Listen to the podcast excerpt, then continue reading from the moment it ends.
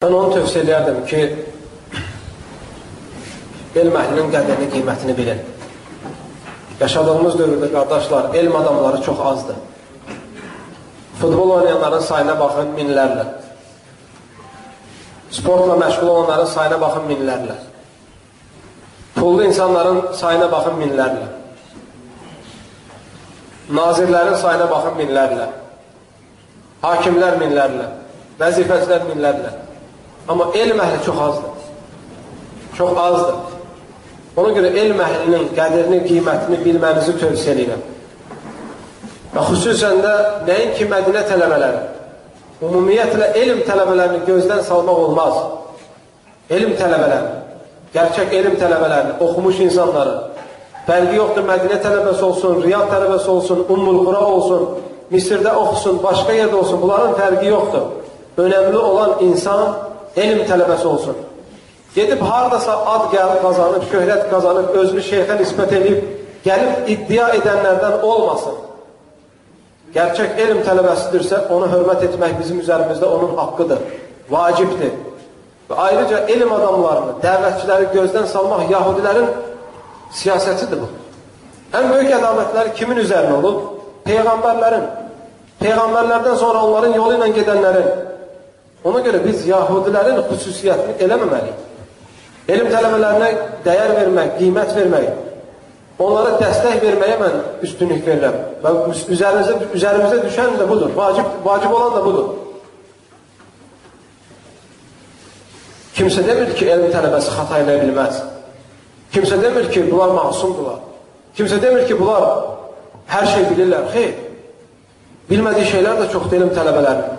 Əksinə şəriətdə bizim bilmədiklərimiz daha çoxdur. Və xata bizdən də olur. Bizdən də baş verir, elm tələbələrində baş verir. Mövqey necə olmalıdır? Xata elədi, insanı gözdən salmaq olmaz elə birbaşa. Xata elədi, oturub xata, belə xata elədi, yaymaq olmaz. Xata eləyəndə islah eləmək lazımdır. İslah eləmək lazımdır, başa salmaq lazımdır, oturub məsələni müzakirə eləmək lazımdır və s. Amma qaldı. Hansı ki, bugünkü gündə görürük ki, xüsusən mədəniyyət tələbələrinə qarşı böyük hörmətsizliklər var. Bu şeylərin olmaması tərəfdəyəm mən qardaşlar. Bu şeylərin olmaması tərəfdəyəm. Yəni mədəniyyət tələbələrini bölmək, filan qismi belə, filan qismi belə, bunlar doğru deyil.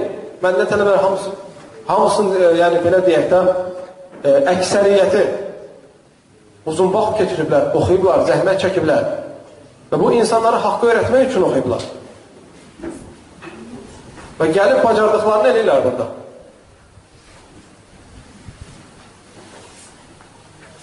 Və bunları müəyyən şeylərlə onlarda olmayan bir şeylərlə vəsf edib gözdən salmaq bu həll deyil. Və bu alınmayasıdır. Və bunu gözdən salmaq, tələbələri gözdən salmaq, pis qələmə vermək insanların parçalanmasına səbəb olacaq. Buna görə mən tövsiyəm odur ki, aranızda olan elm adamlarına dəyər verin, qiymət verin, dəstəkləyin. Və elm tələbələri müxtəlifdir. Kimisini görürsən ki, qardaşım, Quran elmində güclü, savadı yüksəkdir, kimisi əqidə məsələlərini yaxşı bilir, kimisi fiqh məsələlərini yaxşı bilir, kimisi tarixdən yaxşı bilir və s. kimi. Elm tələbələri hansı tərəfdən daha yüksək, daha yaxşı danışır, daha dəlil əsasla danışır, o tərəfindən istifadə edin. Silib atmayın heç kəsi. Və belə bir şey var, dənizdə, göldə elə şey var ki, de, dənizdə yoxdur. Yəni, sən müəyyən bir tələbiyə təqlid etməyin doğru deyil. Mən onu üstünlük verirəm ki, ona çağırıram ki, qardaşlar hamınızı. Siz ümumiyyətlə mədəniyyət tələbələrinin içində olan, e, belə deyək də, e, e, elm tələbələrinin, nəinki mədəniyyət tələbələrinin, ümumiyyətlə elm tələbələrinin və xüsusən də mədəniyyət tələbələrinin aralarında fərq görməyərək hamısından istifadə edin. Çünki bəzilərində ola bilsin elə dəqiqlər, dəqiqliklər, elə faydalar var ki, o birisində yoxdur. Ona görə siz ayırmadan, bölmədən istifadə etsəniz bunlardan bir çox xeyrə nail olacaqsınız. Allahu aləm. İxlasla.com saytı tərəfindən təqdim olundu.